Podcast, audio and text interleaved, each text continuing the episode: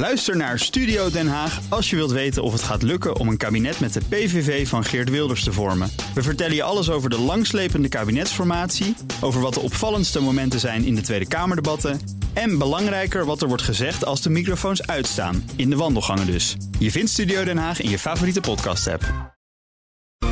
Heb jij de BNR-app al? Met breaking news en live radio?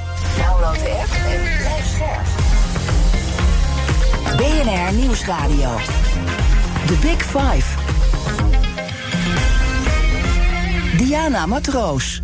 Stikstof, Groningen, de kinderopvangtoeslag, de woningnood. Telkens loopt het in Nederland mis op de uitvoering. En als gevolg daarvan is er ook een vertrouwenscrisis rond de overheid. Hoe schadelijk is dit alles voor onze democratie en rechtsstaat? Hoe zijn we op dat punt gekomen? En heel belangrijk, hoe herstellen we dit op een goede manier? Daarover praat ik deze week met vijf kopstukken in BNR's Big Five van de eerlijke democratie. En vandaag uh, niemand minder dan Herman Tjenk Willink, minister van Staat en voormalig voorzitter van de Eerste Kamer, oud vicepresident van de Raad van State en informateur bij meerdere kabinetsformaties. En zo kan ik nog wel even doorgaan met de lijst, maar heel belangrijk. Onlangs uh, kwam zijn boek, en voor de mensen die uh, via de livestream uh, meekijken, Tijd tegen uit. En daarin geeft hij een heldere analyse waar onze democratie op vastloopt. En ook wat eraan te doen is. ontzettend fijn dat u er weer bent, meneer Cenk Willink. Goedemorgen. Ja. Fijn er te zijn. En het boek is echt weer een feest. Uh, als de mensen kijken via de livestream. Ik heb ontzettend veel ezelsoren uh, erin gemaakt. En dat geeft eigenlijk aan dat elke zin die u hier beschrijft is belangrijk. En er valt bijna geen samenvatting van te maken, want het boek is al de samenvatting. Dat is ook mijn handicap, zo nu en dan. Uh, maar het betekent ook dat je het boek. Uh, dat klinkt een beetje verwaand misschien, maar meerdere keren kunt lezen. Je zal er steeds iets anders uh, weer uithalen. Ehm, je, je vindt andere dingen. Ja. Ik denk ook dat dat inderdaad bij mij ook zo uh, gaat werken. Want ik ga hem nog een paar keer uh, opnieuw lezen. Maar laten we in dit uur met elkaar uh, de belangrijkste boodschappen um, um, verwoorden. En ook vooral hoe we dan de democratie kunnen herstellen. Dat, dat gaan we in het tweede deel van het gesprek doen. Maar eerst even de problemen helder maken. Allereerst, hoe wankel is onze democratie? Nou, ik ben het erg met Femke Halsema eens, die gisteren zei... we moeten nou ook weer niet al te somber zijn... Maar we moeten wel, um, ja, het klinkt een beetje um, ouderwets, uh, waakzaam uh, blijven. Um, als je nu in het nieuws hoort bijvoorbeeld dat uh, het stelsel van de gezondheidszorg loopt vast. Dat moeten we proberen te voorkomen, ja. zou ik zeggen. Mm -hmm. Er gaan te veel dingen mis. de lasten en lusten worden oneerlijk verdeeld. Het gaat om eerlijke democratie. mensen komen in de knel. Burgers weten niet waar ze op kunnen rekenen bij de overheid. Uh, rechtsbescherming, uh, een wijkagent, openbaar vervoer. Ja. Noem, maar, noem maar op. Dat zijn dus ook allemaal. Waarom zou je een overheid vertrouwen die onzichtbaar is? dat is de problematiek eigenlijk. en u had het zo net over. Er gaan verschillende dingen mis in de uitvoering. Maar dan moet je wel altijd kijken naar hoe komt dat? Ja. Uh, kan dat, ligt dat aan de uitvoering zelf? Of ligt dat aan het feit dat er besluiten worden, politieke beslissingen worden genomen die onuitvoerbaar zijn? Omdat de politiek ook te weinig belangstelling heeft voor de uitvoerbaarheid en de uitvoering. Ik kan me reuze opwinden over het feit dat uh, sinds 2004 zijn er allerlei politieke beslissingen genomen over de kindertoeslagen bijvoorbeeld. Mm -hmm. En de opdracht aan de Belastingdienst om dat uit te voeren. Er zijn allerlei reorganisaties geweest. De Belastingdienst moest tegelijkertijd ICT vernieuwen, enzovoort en zo verder. En als het dan, je zou kunnen zeggen, bijna voorspelbaar misgaat, dan wordt er met de beschuldigende vinger naar die Belastingdienst gewezen. Uh, alsof zij de schuld zijn. Ja.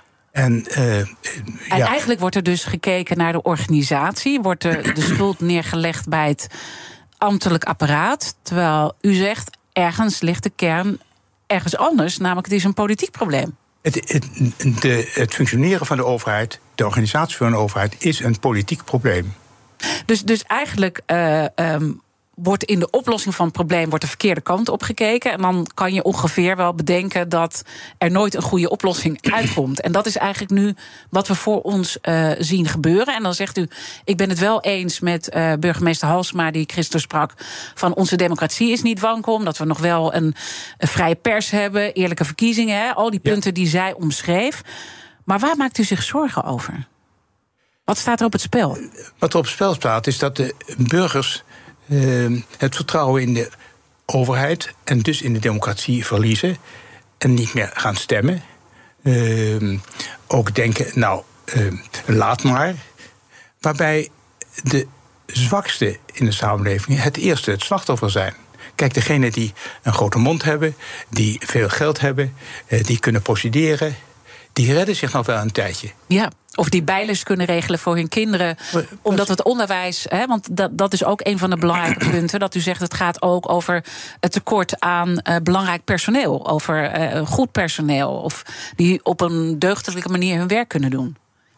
Zeker. De, uh, ik heb altijd erg de nadruk gelegd op de professionaliteit van de mensen die op de werkvloer.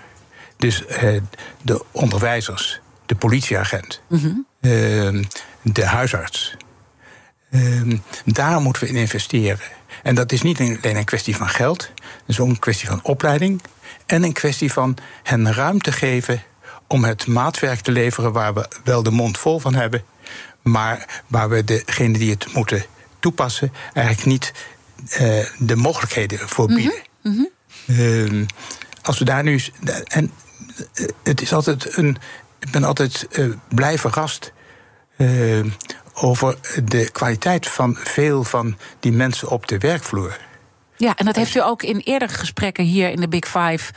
Uh, nou, bij mij ook uitgesproken en op meerdere uh, manieren hoe u dat doet. En het trieste is eigenlijk, en dat schrijft u ook zelf in uw boek. In uw boek geeft u aan dat het u in 40 jaar niet gelukt is om bij politici een goed inhoudelijk debat los te krijgen. naar aanleiding van uw analyses. Dus die analyses zijn al heel lang heel helder en scherp. En u spreekt daar ook over, ook achter de schermen. Wat is het dat dat niet wordt opgepikt? Dat is uh, de andere wijze van denken en praten over de overheid. Uh, als, je, als je heel sterk uh, ja, denkt in termen van de overheid is een bedrijf. Als je heel sterk denkt in economische welvaart via de private sector is het belangrijkste eikpunt voor succesvol overheidsbeleid. Dan kom je uit waar we nu zijn uitgekomen. Want dan onderken je niet dat het eigenlijke eikpunt in een democratische rechtsstaat moet wezen democratie en recht. Niet effectiviteit en efficiëntie, ook belangrijk. Mm -hmm. Maar dat is niet wat uh, de overheid onderscheidt van een andere organisatie. Nee. Uh, het is democratische legitimatie en publieke verantwoording. Uh, rechtsgelijkheid en rechtszekerheid. En het gaat ook over bepaalde waarden die en we moeten uitdragen naar elkaar dat, toe. En dat zijn die, waarden uh, die uh, het verschil uitmaken tussen een autoritair regime. Ik heb dat geloof voorbeeld wel eens eerder gemaakt. Mm -hmm. En uh, een democratische rechtsorde. Uh, en daar moeten we naar terug. Maar zoals Einstein wel gezegd heeft, je kan een probleem niet oplossen met het denken dat het probleem heeft veroorzaakt. Ja, dat schrijft u ook in uw boek op uh, pagina 28. Uh, die verandering in dekken lukt alleen door een andere samenstelling van de spraakmakende elite. En daarvoor is onder meer nodig het afschaffen van de huidige algemene bestuursdienst en de mobilisatie van, algemeen, uh, van alle beschikbare inhoudelijke kennis in en rond de overheid. En dus weg met al die consultants. Dat is even mijn eigen samenvatting nu. Ja, dat, dat heeft ermee te maken. Laat ze zien. Uh, die consultants, voortreffelijk ongetwijfeld. Maar waar de overheid juist geen bedrijf is, is het van belang te weten waarin die overheid verschilt van een bedrijf. En daar zijn consultants in het algemeen niet goed in. Uh, dus uh, daarbij komt dat ik vind dat je problemen in de overheid in eerste plaats binnen die overheid zelf mm -hmm. moet oplossen. Maar daarvoor heb je inhoudelijke deskundigheid nodig. En die zijn we, hebben we allemaal uh, ja, zijn, zijn we kwijtgeraakt. Want alle kennis kon je inhuren. Maar om kennis te kunnen inhuren voor een probleem, moet je dat probleem wel kennen en kunnen definiëren. En dat is eigenlijk nu het probleem van, van de ambtenaren, dat ze eigenlijk zelf eh, wat, we, wat we inhuren is met name ICT. En als je dan even de bedragen erbij pakt, want dat is ook altijd interessant, dat benoemt u ook in uw boek. De stijgende kosten in de afgelopen jaren 1,8 miljard naar 2,7 miljard. Ja, dus, daar hebben we het over.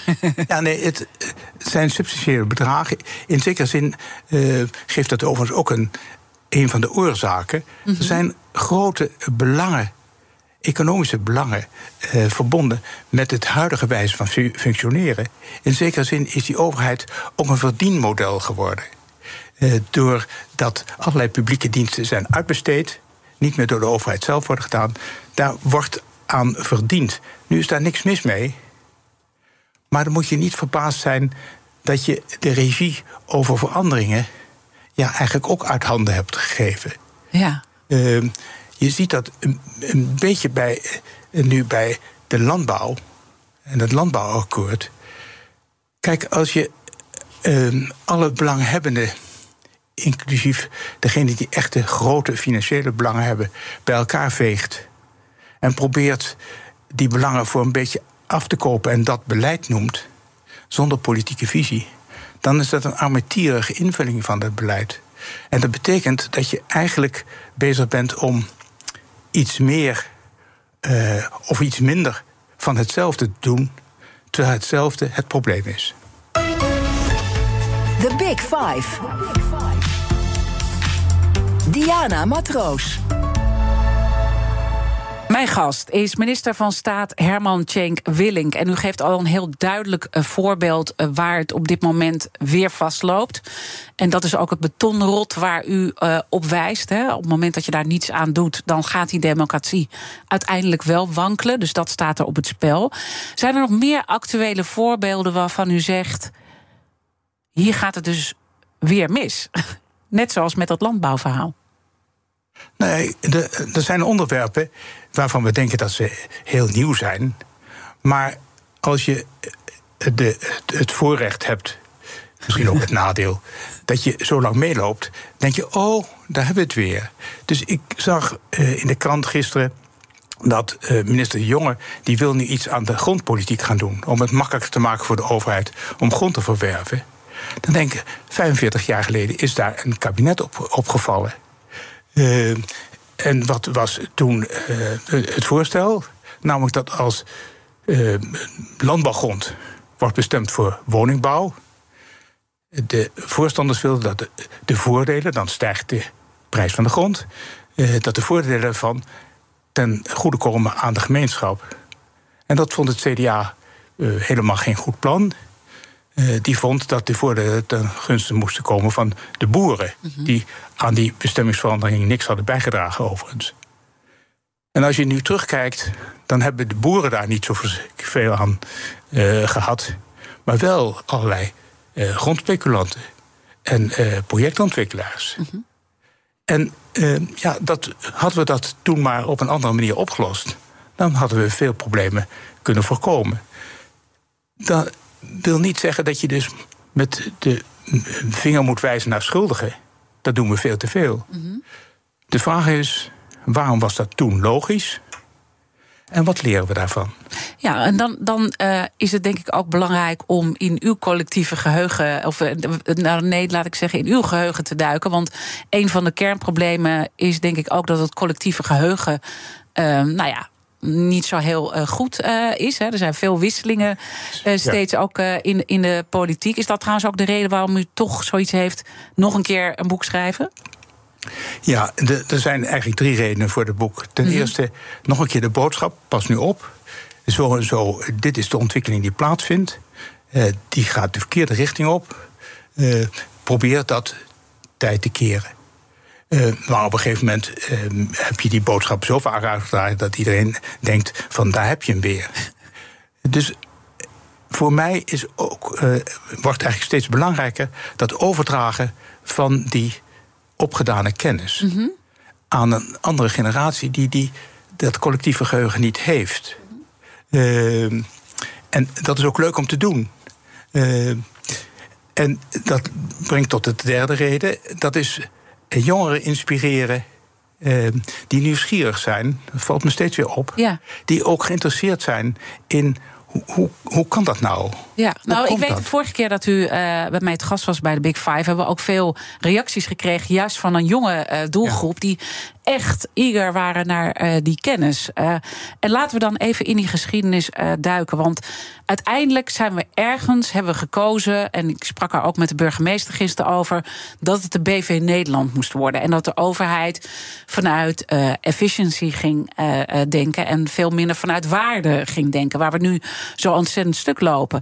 Eh, en u benoemt dan op een gegeven moment ook in uw boek eh, Lubbers, die ergens benoemt: Nederland is ziek. Dat is een heel belangrijk keerpunt geweest, volgens mij. Ja, Nederland. Er- was, ik geloof dat eh, mevrouw Halsema dat gisteren ook zei. Er was ook een reden voor. Ja. Om in het begin van de jaren tachtig te zeggen: Nou, als we zo doorgaan als we nu bezig zijn. dan loopt het met de collectieve uitgaven, wat iets anders is overigens dan de overheidsuitgaven. Eh, de collectieve uitgaven loopt uit de hand, daar moeten we iets aan doen. Ehm, alleen, we hebben eh, die koers die we toen hebben ingezet, die hebben eigenlijk te lang onnadenkend eh, voortgezet.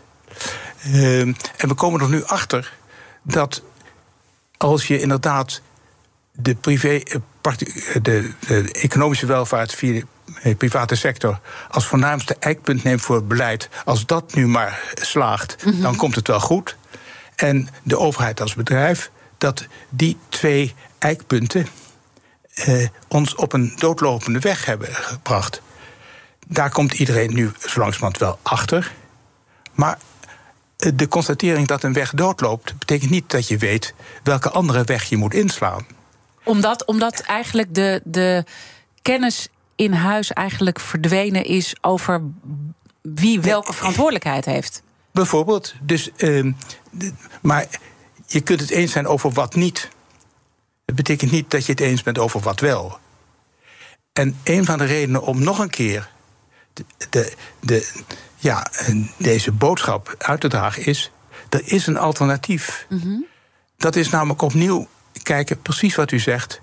Hoe hadden we dat stelsel eigenlijk oorspronkelijk bedacht? Wat is de betekenis van bijvoorbeeld de sociale grondrechten? Dat zijn de kernverantwoordelijkheden voor de overheid. Dat zijn dingen waarop burgers dus mogen rekenen. Ze mogen erop rekenen dat de overheid iets doet aan het milieu.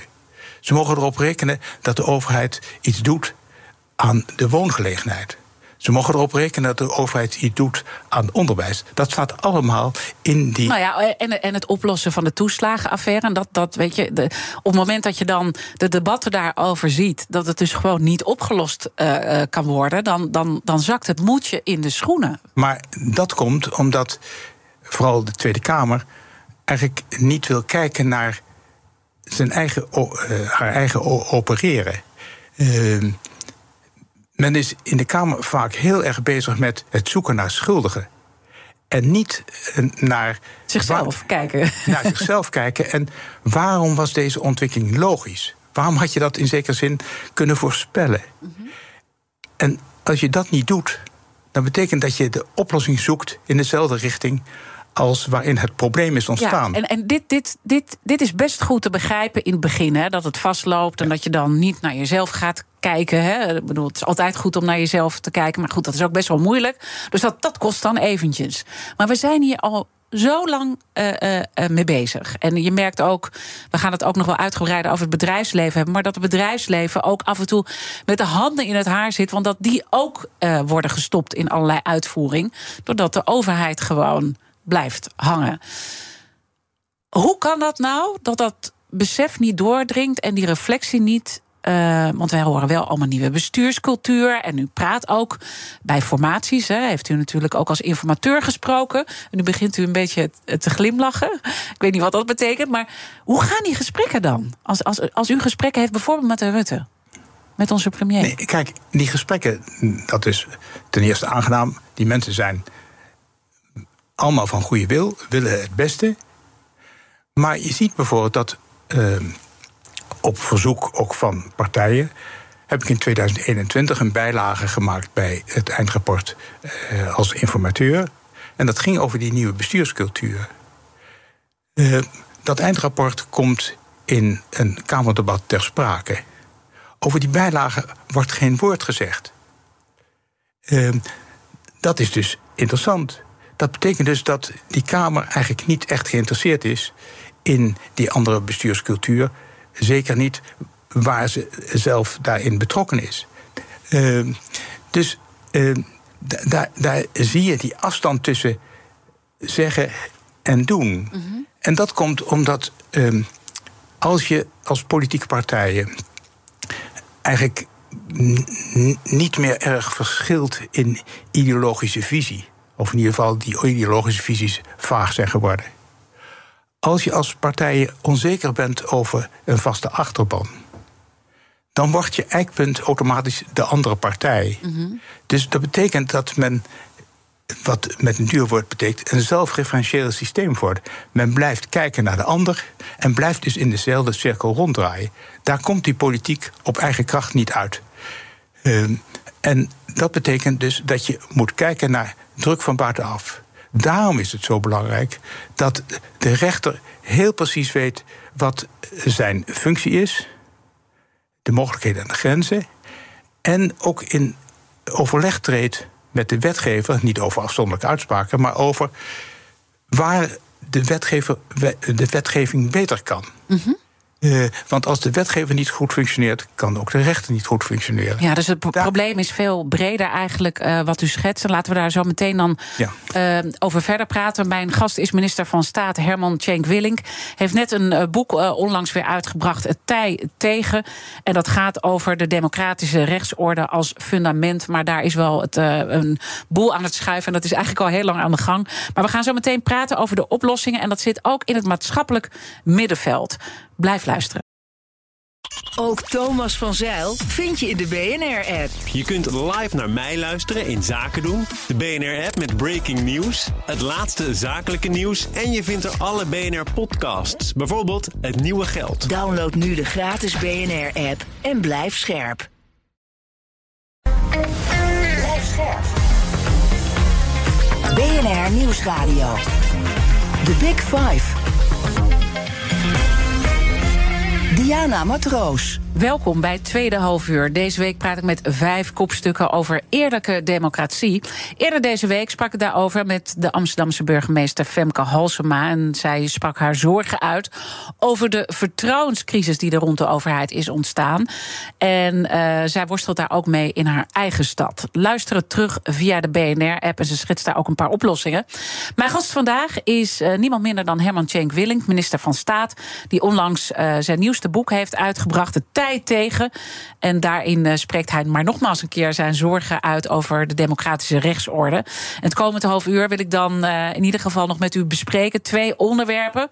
Uh, waar u nu ziet waar de politieke helden zijn, die wel met dat boek aan de slag gaan. Want ergens moeten we ook hoop hebben. En laten we daarmee besluiten. maar ook waarom burgerinitiatieven zo belangrijk zijn voor een sterke democratische basis. Want dat vindt u een belangrijk punt. Maar eerst de kettingvraag. want Femke Halsma, de burgemeester van Amsterdam, die had ook een vraag voor u. Luister maar. Uh, dag Herman, ik hoop je weer eens te zien. En ik ben jij het eigenlijk niet met me eens dat het heel verstandig zou zijn om het lokaal bestuur de komende jaren meer bevoegdheden te geven? En bijvoorbeeld ook groter belastinggebied in tegenstelling tot de Rijksoverheid omdat wij nou eenmaal veel dichter bij onze inwoners staan, beter begrijpen en sociale problemen daarmee ook misschien beter kunnen oplossen. Dag Femke. Eh, de hoop om elkaar weer te zien uh, is geheel wederzijds. Ik was het eens met heel veel wat je zei, dat zal je niet uh, verbazen. En ik ben het ook eens met de, het antwoord wat in je vraag besloten ligt. Uh, als je taken overhevelt, moet je daar de bevoegdheden en de middelen bij geven. En niet tegelijkertijd bezuinigen, zoals wel is gebeurd. En dat betreft ook het eigen belastinggebied. Alleen moet dan wel, uh, evenals bij decentralisatie van taken, worden geaccepteerd dat er verschillen tussen de verschillende gemeenten ontstaan. En als die verschillen niet wenselijk zijn, of de middelen daarvoor ontbreken, decentraliseer dan niet, of draai de decentralisatie terug. En bij overdracht van taken moet ook altijd erg tegen gemaakt worden, vind ik. Dat die overdracht niet ook als een alibi wordt gebruikt voor schaalvergroting. Want schaalvergroting betekent dat de afstand tot de burger groter wordt in plaats van kleiner. Net zoals u net heeft geschetst natuurlijk in het eerste half uur. Ja, Zeker. dat is dat efficiëntie denken, ja. Dus ik ben het, eh, ik ben het eens. Als je meer taken bij de gemeente legt, moet je ook de mogelijkheid bieden en de middelen voor de gemeente om die uit eh, te oefenen. En bedenken we wel, de gemeenten zijn geen uitvoerende dienst van het Rijk. Gemeenten, er worden verkiezingen gehouden. Gemeenten zijn net zo democratisch gelegitimeerd als de centrale overheid. Dit is dus uh, een van de belangrijke punten om tot uh, oplossingen te komen. En laten we meer oplossingen bespreken. En tegelijkertijd misschien het probleem benoemen om naar de oplossing uh, te komen. En dat is het maatschappelijk middenveld. Want wij zijn net ook even kort in de geschiedenis gedoken. Hè. Waar, waar ging het mis? Uiteindelijk hebben we die uitdijende verzorgingsstaat met z'n allen willen aanpakken. Met de woorden van Lubbers: Nederland is ziek. Uh, en dat was ook wel terecht dat uh, het een beetje uit de hand liep. Maar daarmee zijn we een koers ingeslagen. Helemaal op dat efficiency denken waar we nu tegenaan lopen als een van de belangrijke punten.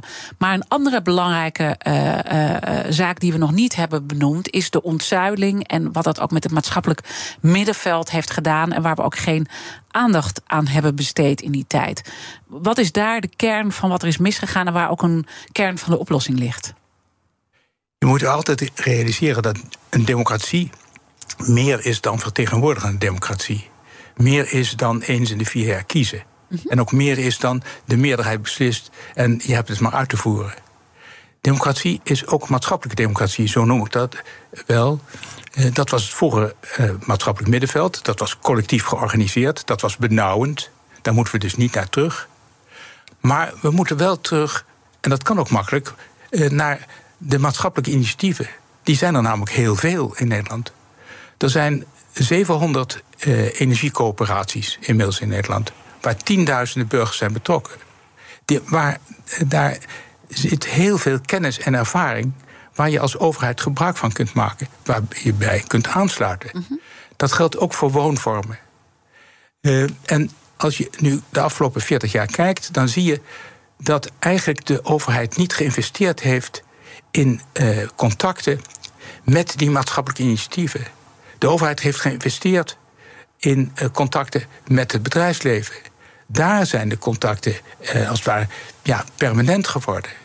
En niet zoals vroeger het geval, het geval was met maatschappelijke initiatieven. Mm -hmm. de, maar dat heeft ook wel te maken met de privatisering die op bepaalde onderdelen is ingezet. En, uh, maar moeten we daar dan een, in terug? Uh, moeten, we dat, moeten we dat terugdraaien of is dat niet wat u bedoelt?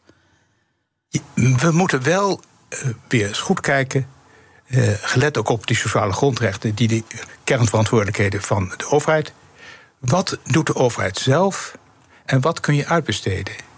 Mm -hmm. het kan niet zo zijn dat je, je. Je kunt publieke verantwoordelijkheden niet uitbesteden. Je blijft dus verantwoordelijk, verantwoordelijk zelfs als je de uitvoering aan anderen hebt overgedragen. Maar dan moet je wel goed realiseren, wat zijn je mogelijkheden? Dat zag je bijvoorbeeld bij de COVID-bestrijding. Mm -hmm. Dat hele stelsel van gezondheidszorg, wat een gemengd stelsel is, met overheidsinvloed en uh, marktpartijen. Daar is de minister van Volksgezondheid is daar stelselverantwoordelijk voor. Maar niemand weet precies wat stelselverantwoordelijkheid betekent. Wat, welke bevoegdheden zitten daarbij? En op een gegeven moment komt er een situatie dat de minister moet ingrijpen. Dan moet je dus buitengewoon goed weten hoe dat veld in elkaar zit. Dan moet je de inhoudelijke deskundigheid hebben op je ministerie om je daarbij te adviseren. En als dat ontbreekt, ja, dan doet iedereen vreselijk zijn best. Maar dan is het niet de meest -hmm. rechte weg naar de oplossing. En dan zegt u dus toch weer uh, uh, het lobbyisme terugbrengen en de consultants sterk verminderen. Dat, dat, dat is ja. echt een van de belangrijke punten. Een van, dus naast die maatschappelijke democratie, dus het actief burgerschap ruimte geven aan burgers om zelf initiatieven te nemen, om die tot ontwikkeling te brengen. Dus ook weer vertrouwen in je eigen deskundigheid als overheid.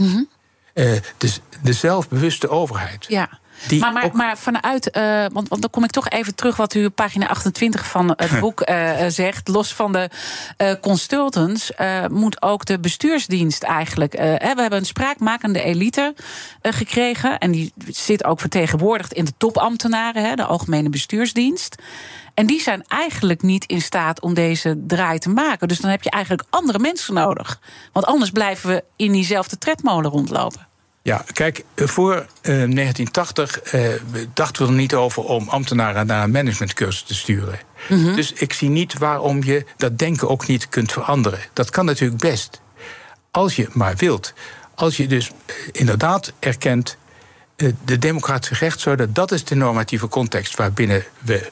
Dat zijn de eisen. Maar dat gebeurt dus niet, want dat, dat is natuurlijk ook wat u benoemt. Nee, maar eh, ik, ik geef de eh, moed nooit op.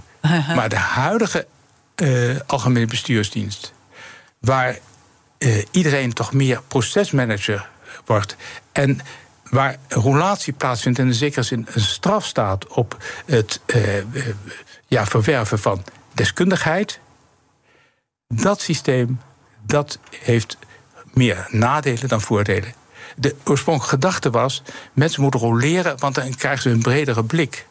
Maar als die blik eigenlijk vooral een managementblik is, en niet een inhoudelijk deskundige blik, nog de blik van iemand die Ja. weet hoe het stelsel in elkaar zit. maar, maar u spreekt eh, al die mensen, hè? ook, ook eh, tijdens de formatie als informateur. Want eh, nou, ook de laatste kabinetten had u daar, niemand kwam eruit. En u moest komen om, om, om het allemaal bij elkaar te krijgen.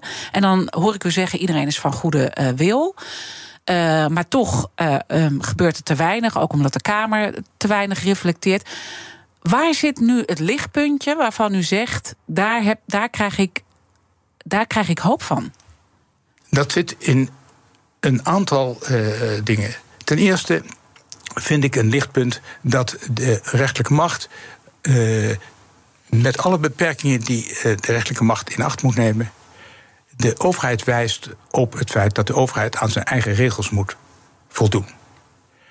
Ten tweede zie ik bij uitvoerende diensten toch meer zelfbewustzijn om te zeggen: wij worden medeplichtig als wij eh, beslissingen uitvoeren die eigenlijk onuitvoerbaar zijn. En we net doen alsof het wel wordt uitgevoerd, terwijl er de eh, burgers in het probleem komen. En, en doelt u dan ook op de Raad van State, die natuurlijk ook in de toeslagenaffaire ook echt steken heeft laten vallen? Nee, ik, In eerste dat- instantie. Ja, ik, ik, ik bedoel dus bij de rechterlijke macht, waaronder ik de afdeling bestuursrechtspraak van de Raad van State nu even eh, begrijp, eh, dat de rechterlijke macht heeft naar aanleiding daarvan eh, heel sterk naar zichzelf gekeken en gezegd: wat is er misgegaan? Mhm. Wat kunnen we anders doen? Eh, datzelfde geldt bij uitvoerende diensten. Die hebben gezegd: wat is hier misgegaan? Wat kan er beter? De enige die dat nog niet gedaan heeft, is eh, de wetgever, is de Tweede Kamer. Dus, die- Dus daar ligt eigenlijk het, het grootste probleem. ja, maar die zal dat alleen doen als die andere instanties dus zelfbewust hun taken naar behoren uitvoeren. De, de verschillende instanties zijn wederzijds van elkaar afhankelijk in het uitvoeren van taken. En dat betekent dat als de ene niet goed werkt, de andere daar de consequenties van heeft. Maar omgekeerd geldt ook dat als de ene goed werkt, de ander daarvan kan profiteren. Ja, want dat is dat macht tegen macht eigenlijk wat u steeds schetst. Precies, dus eh, het feit dat de rechter in de Urgenda-zaak een uitspraak heeft gedaan, betekent dat de politiek zich bewuster is geworden dat er iets moet gebeuren.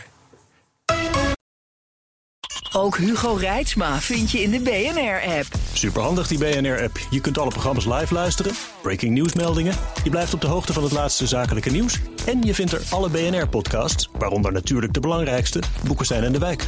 Download nu de gratis BNR-app en blijf scherp. BNR Nieuwsradio. The Big Five. Diana Matroos. Je luistert naar BNR's Big Five van de Eerlijke Democratie. Morgen weer een mooie gast, Rabin Baldusing. Hij is eh, Nationaal Coördinator tegen Discriminatie en Racisme. En natuurlijk eh, praat ik ook over zijn strijd tegen discriminatie. Want dat is ook een onderdeel natuurlijk om te komen naar een eerlijke democratie. Mijn gast eh, vandaag is Herman Tjenk Willing, minister van Staat. En u mag de kettingvraag ook weer doorgeven. Dus aan Rabin een vraag stellen. Um. Wat leuk dat ik uh, Rabin via deze weg uh, weer uh, ontmoet. Ehm, ik heb een korte inleiding voor die vraag. We zullen het erover eens zijn dat de democratische rechtsorde, waar het in deze uitzending over gaat, staat voor ruimte voor verscheidenheid en gelijkheid voor het recht. en discriminatie en racisme die zijn in strijd daarmee. Dus daarom moet daartegen worden opgestreden. Maar die bestrijding van uh, discriminatie en racisme, en dat weet jij, Rabin, als geen ander, uh, dat leidt al gauw tot nieuwe regels, controles, instituties, meldpunten. En het, het, gevaar is dus dat ook die bestrijding van discriminatie en racisme in je eigen woorden losdrijft van hetgeen in de samenleving gebeurt. En dat brengt me tot de vraag: moeten we niet kiezen, ook bij bestrijding van discriminatie en racisme, eh, voor versterking van de democratische rechtsorde van onderop. En ik heb daar de uh, uitspraak van Lincoln in uh, gedachten. Die heeft gezegd: ik lees het even voor. I don't like that man. I must get to know him better. Het gaat uiteindelijk om het echte gesprek tussen mensen en bevolkingsgroepen. Ook om de beeldvorming via social media eh, tegen te gaan. En veel mensen hebben het gevoel uh, dat ze dingen waarover ze aan gehecht waren, uh, verliezen. Dat was het probleem bij Zwarte Piet. Veel mensen voelen zich gediscrimineerd, terwijl dat eigenlijk objectief moeilijk is vast te stellen. En hoe gaan we nu met die gevoelens om? Mm -hmm. Hoe bieden we juist die mensen perspectief en zekerheid? En ook dat lijkt me essentieel bij de bestrijding van discriminatie en racisme. En die benadering lijkt me ook dicht te liggen uh, bij uh, de ervaringen die jij uh, zelf hebt vanuit je wethouderschap in Den Haag. en het omgaan met vele bevolkingsgroepen die Den Haag rijk is. En ik zet een streep onder rijk is. Mooie, mooie vraag, want er zitten heel veel lagen onder. En maar wat me erin aanspreekt, ehm, is zeker dat we de dialoog met elkaar uh, moeten voeren. Op veel meer fronten, eigenlijk ook met wat we hiervoor hebben besproken. Hè. Daar is ook dat maatschappelijk eh, middenveld natuurlijk cruciaal voor om dat gesprek uh, uh, beter te voeren. En je merkt ook bij discriminatie, maar ik zal het er zeker morgen ook met hem over hebben, dat mensen ook bang zijn om met elkaar erover te praten. Ja. en dat merk ik zelf ook wel eens. Terwijl soms moet je ook het moeilijke gesprek met elkaar uh, voeren. En, en niet meteen heel boos op elkaar worden om uh, verder te komen. En tegelijkertijd moeten bepaalde dingen ook echt niet meer kunnen. Dus dat is wel een spannende balans. Maar dat, dat, dat bewaar ik even om daar. Nou ja, het interessante is natuurlijk toch het gesprek wat. Uh, schijnt te hebben plaatsgevonden tussen kick-out Zwarte Piet en de blokkeervriezen. Mm -hmm eh, op een gegeven moment toch met elkaar in gesprek zijn geraakt.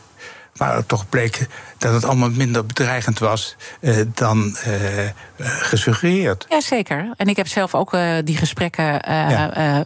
gevoerd. Dat we vanuit een soort spanningsveld uiteindelijk toch weer bij elkaar kwamen. En daar zijn de beste vriendschappen uit voortgekomen. Hè. Dus dat, dat is ook het mooie van met elkaar. Ja, het is ook leuk om te doen. Het is ook leuk om te doen, maar wel spannend hoor. Ja. Um, en dat, dat gesprek vanuit het maatschappelijk middenveld uh, nu voeren is ook spannend. Want uh, daar heb je natuurlijk twee gesprekspartners voor nodig. Daar heb je een mondig maatschappelijk middenveld voor nodig. Waarvan we eigenlijk zien dat die te veel op de achtergrond ja. uh, is geraakt. Dus dat is iets waar u aandacht voor vraagt. En tegelijkertijd heb je een overheid nodig die ook daarmee in gesprek wil gaan. Hè? Uh, dat moet ja. van twee uh, kanten komen. Hoe kunnen we dat, als we even een concreet uh, voorbeeld... Uh, u noemde zelf het landbouwverhaal... maar we kunnen ook het, het, de woningproblematiek pakken. We hebben zoveel ingewikkelde dossiers... dus u mag van mij zelf kiezen welke u daarbij pakt. hoe zouden we daar vanuit het maatschappelijk middenveld verder in kunnen komen in dialoog? Waarvan een heleboel mensen zullen zeggen... jee, dat klinkt wel zweverig. Ik denk dat het voornaamste is om goed te kijken wat er al wel gebeurt. Eh, we zijn altijd zo, we zijn gauw, en dat draag ik geloof ik zelf ook wel zo nu en aan bij, negatief. Maar dat- is niet nodig, omdat er zoveel positief is. Ik noemde zo net de, eh, de energiecoöperaties. Ja. maar ook eh, in eh, woningbouw. Er zijn allerlei initiatieven voor nieuwe woonvormen. Dan kan je zeggen, ja, maar dat is zo kleinschalig. Nou, maar uiteindelijk de titel van mijn eerste kleine boekje was Groter denken, kleiner doen. Ik geloof dus heel sterk in het eh, waarderen van de kleine initiatieven. als je dat maar past in een groter geheel. En de overheid moet, is er, en de politiek is er voor om dat grotere geheel eh, te schetsen. En er ook voor te zorgen dat mensen ehm, de mogelijkheid krijgen en durven eh, zich uit te spreken. Eh, dat ze niet onmiddellijk eh, het gevoel hebben dat hun kop eraf wordt gehakt. Ja, daar moeten we vooral mee stoppen. Ik denk dat we daar ook mee moeten stoppen in het bedrijfsleven. Want dat is natuurlijk. Er is zoveel. Dat is natuurlijk ook die vertrouwenskiezers. De, de, de bedrijfsleven worden als de graaiers weggezet. Dat, dat werkt toch ook niet om dat op die manier zo. Het een, een, te stelsel van, een stelsel van democratie en recht eh, functioneert alleen als je erkent dat je voor het goed functioneren wederzijds van elkaar afhankelijk bent. En wederzijds afhankelijkheid kan niet zonder vertrouwen. Vertrouwen dat de ander zijn functie weet en daar competent is om die uit te oefenen. En er is eh, een klimaat ontstaan van wantrouwen. En daar moeten we doorheen. Eh, dat geldt ook voor de Kamer. Eh, ik vind dat de Kamer eh, dat die houding van wantrouwen, hoe begrijpelijk dat ook is, moet doorbreken door te zeggen. eh, want laten we wel wezen, die kindertoeslagen is natuurlijk ook ontstaan uit wantrouwen. Dat burgers potentiële oplichters zijn. Ja, daar waren, waren de Kamerleden ook zelf bij betrokken, natuurlijk. Daar Ja. waren, ze, daar waren ze heel expliciet in. Ook degene die zich nu erg druk maken over eh, ja, de, de slachtoffers van de kindertoeslagen. Eh, Doet u dan dus- op iemand als Renske Leijten, die ik later deze week spreek? Nee, maar ik denk ook voor het Pieter Omtzigt heeft natuurlijk ook. En dat is begrijpelijk. Nogmaals, ook eh, daar geldt niet wie is schuld. Maar waarom is, was dat toen logisch? En waarom moeten we daarop, eh, moeten we niet op die weg doorgaan? Dus eh, wederzijds afhankelijkheid, weten dat je van eh, de, de wijze waarop de Belastingdienst functioneert eh, afhankelijk bent voor de uitvoering van je politieke wensen. Dan, dat gaat niet samen met tegelijkertijd eh, die Belastingdienst eh, wantrouwen of een collectieve strafaaklacht eh, indienen tegen die 30.000 mensen die daar iedere dag hun best doen. Daar gaat natuurlijk van alles mis. Maar eh, dat, dat doet niet af aan het feit dat je uit moet gaan van vertrouwen. Eh, er is nu bij de Belastingdienst eh, aan de top wil geen gedoe. En eh, aan, eh, de, op de werkvloer durft men eigenlijk nauwelijks meer dingen die niet goed gaan te melden. Om, eh, bang om eh, beschuldigd te worden van discriminatie. Ja, en, en, en, om, en dat er weer gedoe komt. En dat er weer gedoe komt. Maar dat Dus- begint toch dan dat, dat, dat in de top dat aangepakt eh, moet worden? Want eh, je moet toch Ja. juist je mensen daaronder de kans geven om dat gedoe naar boven te laten komen? Zeker, maar die top die, eh, wil geen gedoe, omdat ze onmiddellijk eh, de Kamer op en de media op hun eh, dak krijgen. Eh, en omdat ze gezien hebben dat eh, dan mensen, ook mensen die goed zijn, eruit vliegen. Dus we moeten, die negatieve spiraal moet doorbroken worden. Ja, en eh, waar moet dat dan gebeuren? Er is niet één plek. Het is het bewustzijn dat je dat je dat moet doorbreken. En dat de wijze waarop we vrij automatisch eh, elkaar de bal toespelen, dat dat tot rampen leidt. Ja, en dat is dus heel moeilijk te doorbreken eigenlijk. We Ja, moeten hoopvol blijven. Hè? Ja, maar eh, kijk, en, en ik heb nooit beweerd dat de politiek simpel is. Ik heb al- altijd eh, eh, strijd geleverd met mensen die met eenvoudige oplossingen kwamen voor complexe problemen. Ja. En dan denk ik, dat moet er toch nog een keer. Want u besluit het boek van dat dit de laatste openbare lezing is. Maar ik vrees dat er toch nog een keer een openbare lezing moet komen. Nee, ik denk dat uh, iedereen. Het heeft, op een gegeven moment begint herhaling ook tegen je te werken. Uh, en nogmaals, dan wordt belangrijker de overdracht van kennis en uh, ervaring. En daar wou ik me maar op richten. Nou, ik zou zeggen, dan moet iedereen gewoon het uh, boek lezen. Het tij tegen. Ik kan het zeer aanraden van minister van Staat Herman Tjenk Willink. En ontzettend fijn dat u weer te gast wilde zijn. Dat was een genoegen. Dankjewel. Uh, natuurlijk zijn alle uh, afleveringen zoals altijd terug te luisteren. Ga gewoon naar je favoriete podcast-app. Daar vind je alles uh, terug, ook van mijn collega Art Royakkers. maar het allerbelangrijkste is, ik zeg het altijd... blijf live op deze zender. Zometeen Iwan Verrips met BNR Breekt. Ik wens je een mooie dag. Ook Diana Matroos vind je in de BNR-app. Ja, inderdaad. Je kunt live naar mij luisteren tijdens de Big Five. Ook handig in de BNR-app. Breaking nieuwsmeldingen, maar ook het allerlaatste zakelijke nieuws. En je vindt in de app alle BNR-podcasts, waaronder Wetenschap Vandaag. Download nu de gratis BNR-app en blijf scherp.